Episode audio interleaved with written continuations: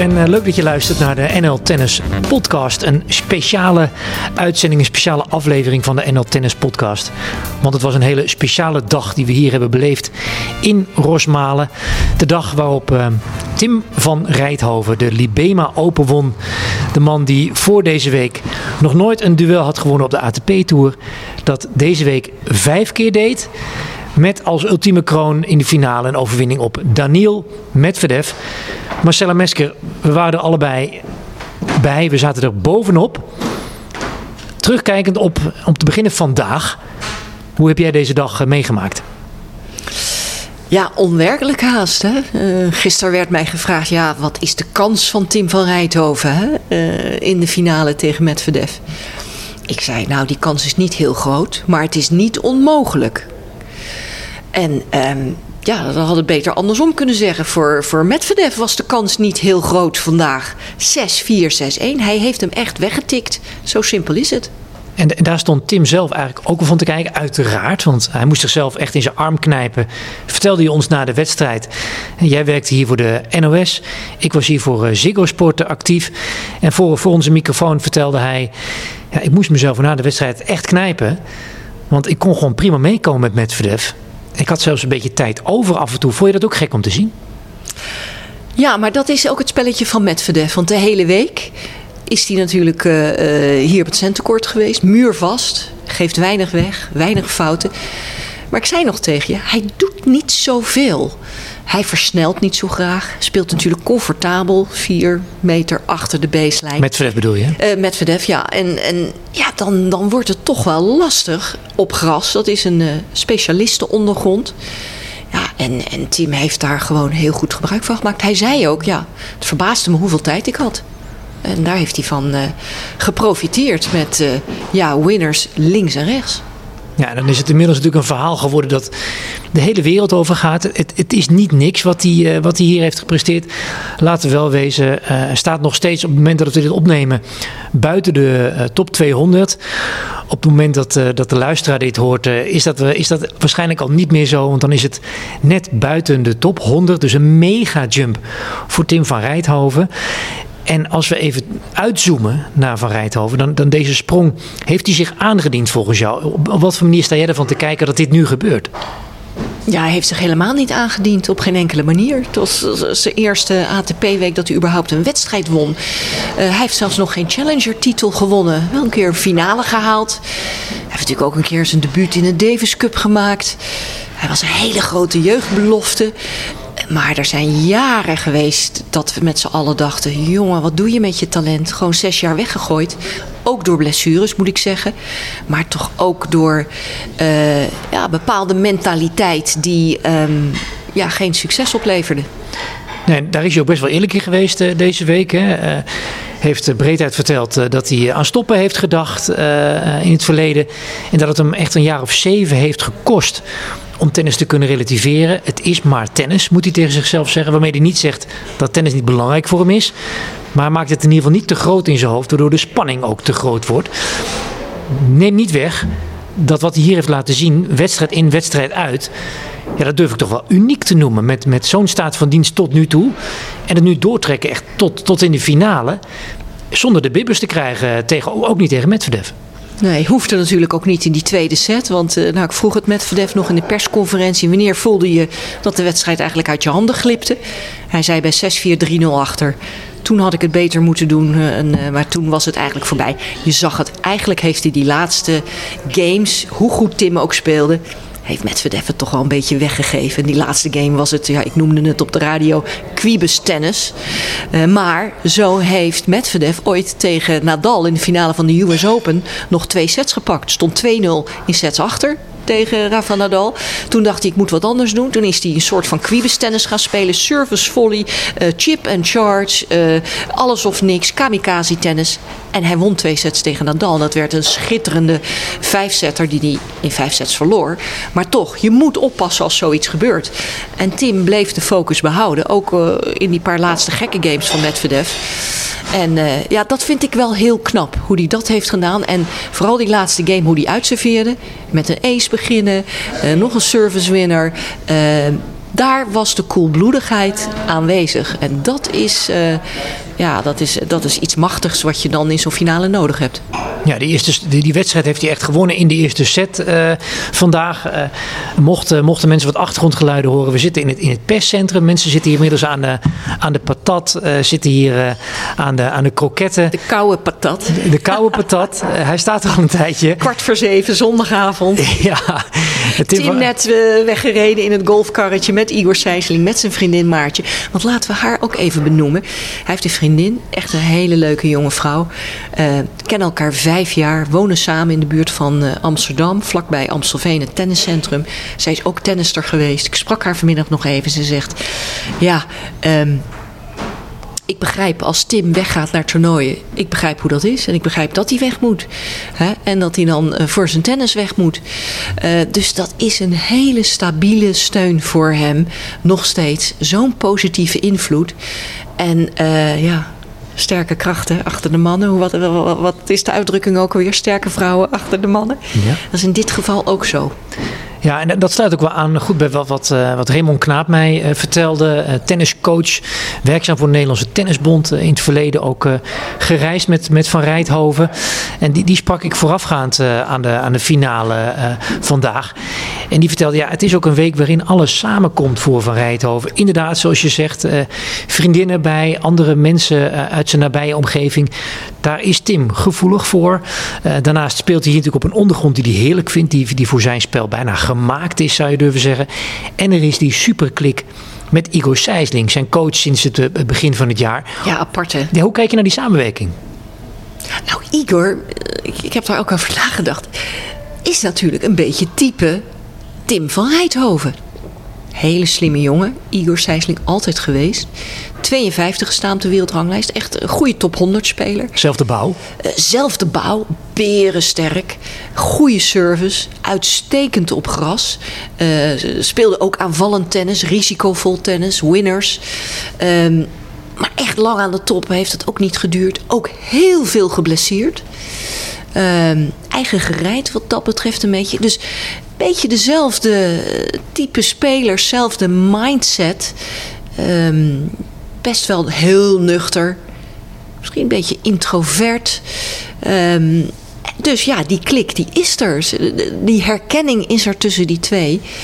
Want ja, dat hij ervaring heeft als coach, ja, 0,0 heeft geloof ik net zijn diploma gehaald. Dus dit is zijn eerste pupil. C-opleiding net afgerond. Ja, dus, dus ja, om nou te zeggen de gouden tip. Nee, maar daar gaat het soms niet om. Hè. Het gaat om die chemie. Het gaat net om het gevoel. En, uh, ja, en Tim is, is volwassen geworden. Is 25 jaar. Speelt een kleine 10 jaar eigenlijk al als professional. Helemaal opgeleid daarvoor. En uh, wat ik ook nog wel aardig vind uh, om te melden. Tim is natuurlijk een knappe jongen om te zien. Beer van een gozer. Leuke kop. Goede stem. Zo zag hij er al uit toen hij 16 was leuke jongen. Je denkt, jeetje, die gaat tennissen. Dat wordt er een. Zijn slagen zaten er al op. Die service was er al. Goede voorhand, goede backhand. Allround kon alles. Alleen, um, ja, wat er in dat lichaam en vooral in het hoofd zat... ja, dat was nog helemaal geen beer van een jongen. Dat was een heel klein jongetje eigenlijk. Daar was hij, denk ik, jonger dan zijn leeftijd. En dat is elkaar een beetje gaan tegenwerken toen hij als grote belofte werd betiteld. Grote sponsorcontracten, IMG onder contract, grote managers. Nou, hij gaat het maken. Maar daar was hij mentaal totaal niet klaar voor. En dat is te vroeg gekomen. Zijn vriendin Maartje zei ook... hij is te goed geweest op jonge leeftijd. Dat is zijn probleem geweest, die zes, zeven jaar... dat, dat we niks meer van hem hebben gehoord. Ja, dat, uh, daarover gesproken, uh, Raymond Knaap zei nog iets moois. Ze speelden samen de, de Wimbledon Juniors. Dus Knaap was daarbij als, als begeleiding juniorentoernooi in, uh, in Londen. Ze zaten samen uh, in de auto uh, door Londen. En daar op Wimbledon Radio werd gesproken van een remarkable muscular young man serving 230 kilometers per hour serves. Dat was toen al het verhaal daar in Londen. Daar heeft Tim dus naar zitten luisteren in die auto. Maar ja, het duurde nog wel even voordat hij in staat was tot wat hij hier heeft, uh, heeft laten zien. Ja, en dan zie je maar weer hoe iedereen zijn eigen reis daarin heeft. Hè. En, en uh, we hebben natuurlijk gezien bij Van der Zandschulp, bij Griekspoor, ook tijd nodig had om, om zo'n sprong te maken. In hoeverre Is Tim aangestoken, denk je, door die andere twee? Of is dat meer een, een makkelijk verhaal voor de media om te vertellen? Nou, dat laatste sowieso, want we vragen er altijd naar. Dat is natuurlijk ook zo. Uh, voorbeeld, hij traint met ze, dat is logisch. Um, maar dit is gras. En daar is hij gewoon heel erg goed voor. En jeugdwimbledon, je zegt het net, hij won daar van Rublev. Trainde ook met Medvedev. Ik geloof dat hij in de persconferentie deze week vertelde. Hij zag Medvedev, hij zei hi. Medvedev moest even nadenken. Oh, wie ben jij ook alweer? Oh ja, dat is die jongen van uh, 7, 8 jaar geleden. Die het nooit gemaakt heeft. Die het nooit gemaakt heeft, ja. Want hij herkende hem nauwelijks meer. Uh, Tim wel. Hè. Die Tsitsipas, Rublev, Medvedev. Hij kent al die jongens. Heeft met ze gespeeld, heeft ze gewonnen. Uh, maar heeft het niet gemaakt. Dus dat is natuurlijk heel pijnlijk dat je dat constateert. Dat is eigenlijk als een, als een zwaar stuk lood uh, op je schouders. En, en daar moet je mee leren leven. En dat, dat, dat is hem heel erg uh, moeilijk afgegaan in die tijd. En over dat radio-interviewtje, wat hij hoorde in de auto. Ja, misschien heeft hij toen in die tijd gedacht van... nou, ik ga het wel redden, dat wordt het wel. Ik heb al mooie contracten, leuke manager. Hij heeft daar te makkelijk over gedacht. Te weinig pijn geleden. Niet zo gedisciplineerd. Hij dacht, nou, komt wel, want ik ben toch zo goed. Ja, dat is het gevaar als je op jonge leeftijd zo goed, allround en fysiek al zo ver bent. Ja, en het, eh, wat ook wel weer mooi is aan, aan, aan, wat hier gebeurt, is het kleine verschil kennelijk als het gaat om tennisniveau tussen de Challenger toernooien, waarvan wat je zei, Van Rijthoven er nooit eentje gewonnen heeft. En het, het ATP-niveau 250, 500 daarboven. Van Rijthoven zei zelf vandaag, ja, ook voor Medvedev is het niet vanzelfsprekend. Al zou hij nu challenges gaan spelen, wat natuurlijk een bizarre gedachte is, want hij is nummer 1 vanaf, uh, vanaf maandag. Dan is het niet vanzelfsprekend dat hij die wint. Uh, we hebben natuurlijk al vaker gezien dat het challenger niveau en de ATP niveau qua niveau niet per se verschilt. Maar kun jij beschrijven waar het verschil hem dan wel precies in zit? Ja, de mindset. Ik denk overigens, als Daniel Medvedev wil dat hij een challenger wint, dat hij dat echt wel doet. Alleen dan is de de intensiteit niet zo groot. Maar als je zegt, je moet nu... Uh, Ik wil daar pieken. Je moet deze challenger winnen en dan mag je meedoen op Wimbledon. Dan slaat hij iedereen er een twee sets af. Want zo is hij ook wel weer. Uh, dus, dus die mindset, hoe graag wil je winnen? Daar draait alles om. Ben je bereid pijn te lijden? Nadal. Ben je bereid zes uur per dag te trainen? Huh? En, en dat heeft Tim in zijn jeugd dus allemaal niet gehad. Hij dacht, nou, ik ben er wel. Ik wandel er wel doorheen. Ik wandel doorheen, want ik ben, ben goed genoeg.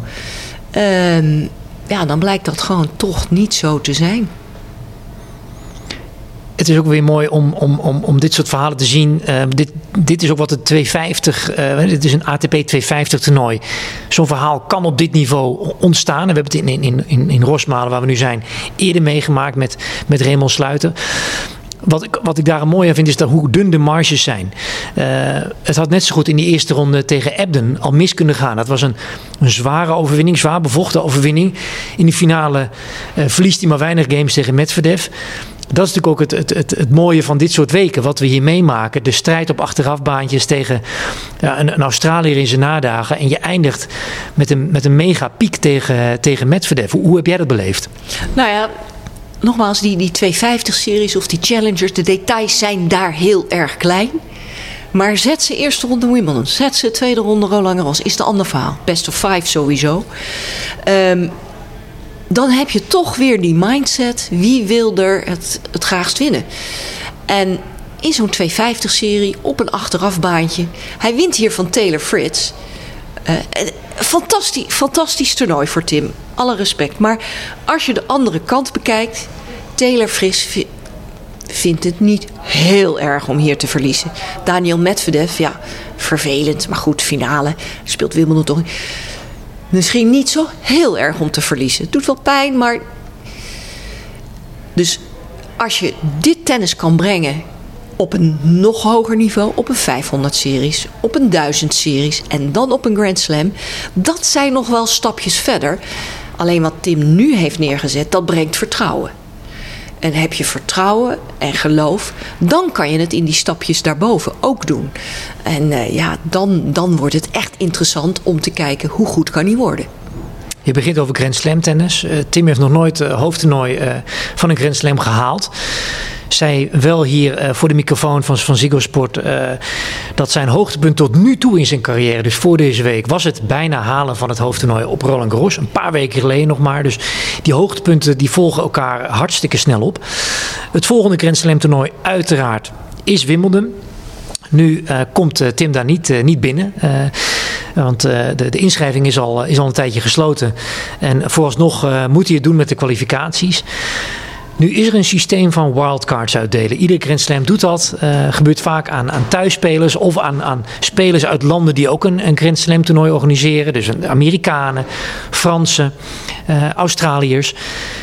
Maar dit is wel een hele unieke prestatie, uh, Marcella. En je hebt er ook naar gevraagd of hij uh, of die eventueel een, een wildcard zou kunnen krijgen. Persoonlijk dacht ik, dat gaan die Britten never nooit doen. Daar zijn ze gewoon te eigenwijs voor.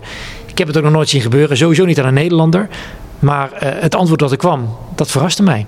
Ja, na de persconferentie. hoe zit het met een wildcard voor Wimbledon? En toen zei hij, nou dat ziet er heel goed uit. Letterlijk de woorden van Tim van Rijthoven. Dat heeft hij natuurlijk van zijn management. Uh, die zijn meteen eh, in de pen geklommen, misschien al eerder deze week. Van stel dat hij dit toernooi wint, is er dan een mogelijkheid dat? Ja, dan doe je het heel goed. Dan zet je druk op de Wimbledon Committee. En uh, hoe eigen gereid Wimbledon ook is, want dat zijn ze ook dit jaar weer met het weren van de Russen. maar toch worden ze steeds wat progressiever. Vroeger had je ook het plaatsingssysteem. Nu houden ze toch echt wel eh, de ranglijst aan. Ze hebben nog wel de optie om het te veranderen, maar doen ze niet meer. Want de echte grasspecialisten zijn er ook niet meer zoals vroeger. En dus, die acht wildcards zijn niet heilig voor de Britten. Dan denk je, oké, misschien Australiër, Fransman of Amerikaan vanwege de andere Grand Slams. Um, maar ze maken soms een uitzondering. En ik denk dat Tim van Rijthoven de uitzondering is. En uh, ik geloof er wel in. Want ik, ik hoorde het al in de Engelse media doorcijpelen.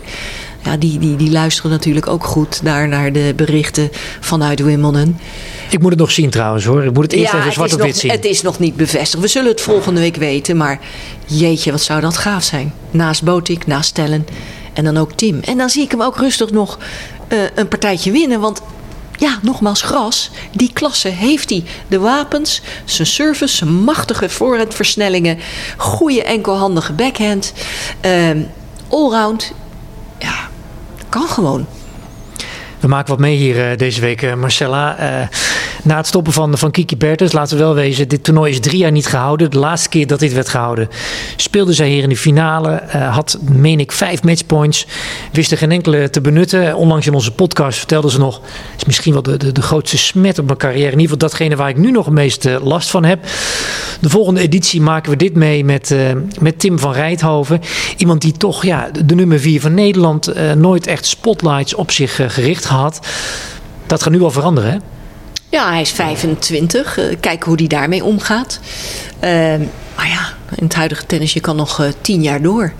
En ehm, om nog maar iets, iets leuks erin te gooien. Hij zei van de week ook, ja, mijn grote idool, ja, die is net gestopt. Jo Wilfried Tsonga. Ik vind hem daar wel wat van hebben. De blonde Tsonga. Tim van Rijthoven, wat vind je daarvan? Mooie headline. Maar ehm, ja, Nee, hij heeft nog hele goede jaren voor zich. En nu 106, 107, 105. Uh, US Open hoofdtoernooi. Komt hij binnen, denk ik, Grand Slam. Uh, ja, en dan gaat het echte werk beginnen. Dat smaakt natuurlijk voor hem ook naar meer. Om harder te werken. Uh, om er nog meer uit te halen. En nog iets pittiger te worden. Want dat is wel één dingetje. Vroeger had Tim Hemmenen ook. Ja, je zag af en toe zijn klein vuistje. Maar heel vlak, heel rustig. John McEnroe adviseerde hem toen... juichen, laat zien wie je bent. Gebruik de toeschouwers hier. Tim is een hele, ook bescheiden, rustige, nuchtere jongen zei vandaag ook nog: Ja, ik ben eigenlijk vrij vlak. Ik hou er ook niet van om heel erg te juichen. Maar af en toe moet je dat wel doen, zeker als je niet lekker in de wedstrijd zit, om iets los te maken. Je moet iets forceren. Dus ook daar uh, zijn er nog wel stappen te maken. Er is ruimte, er is ruimte voor meer, uh, zou je zeggen. Hij vertelde ook dat hij heeft leren genieten. Genieten van het leven, ook van andere dingen dan tennis. Wie weet heeft hem dat wat vrijer gemaakt. Hij zwaaide ook hè, toen hij op het centercourt kwam. Dat, uh, dat de eerste keer de, tegen Auger Aliassime. Heel ontspannen. Heel ontspannen, vond ik zo knap. Ik denk, ja, je zal toch een beetje nerveus zijn. Zwaaien naar de toeschouwers. Nou, dat is redelijk zelfverzekerd. Ik ben benieuwd uh, of hij ook naar de toeschouwers in Engeland uh, gaat zwaaien over een paar weken. In ieder geval uh, hebben ze daar ze misschien gaan wel weer. Zwaaien. Ze gaan naar hem zwaaien. Hebben ze eigenlijk weer een Tim om aan te moedigen. Zo is het. Hè, een nieuwe Tim. Laten we even proosten op, op de Nederlandse Tim. Bedankt voor het luisteren naar deze speciale NL Tennis podcast. Die aflevering die, die had Van Rijthoven zeker verdiend. Tot de volgende keer.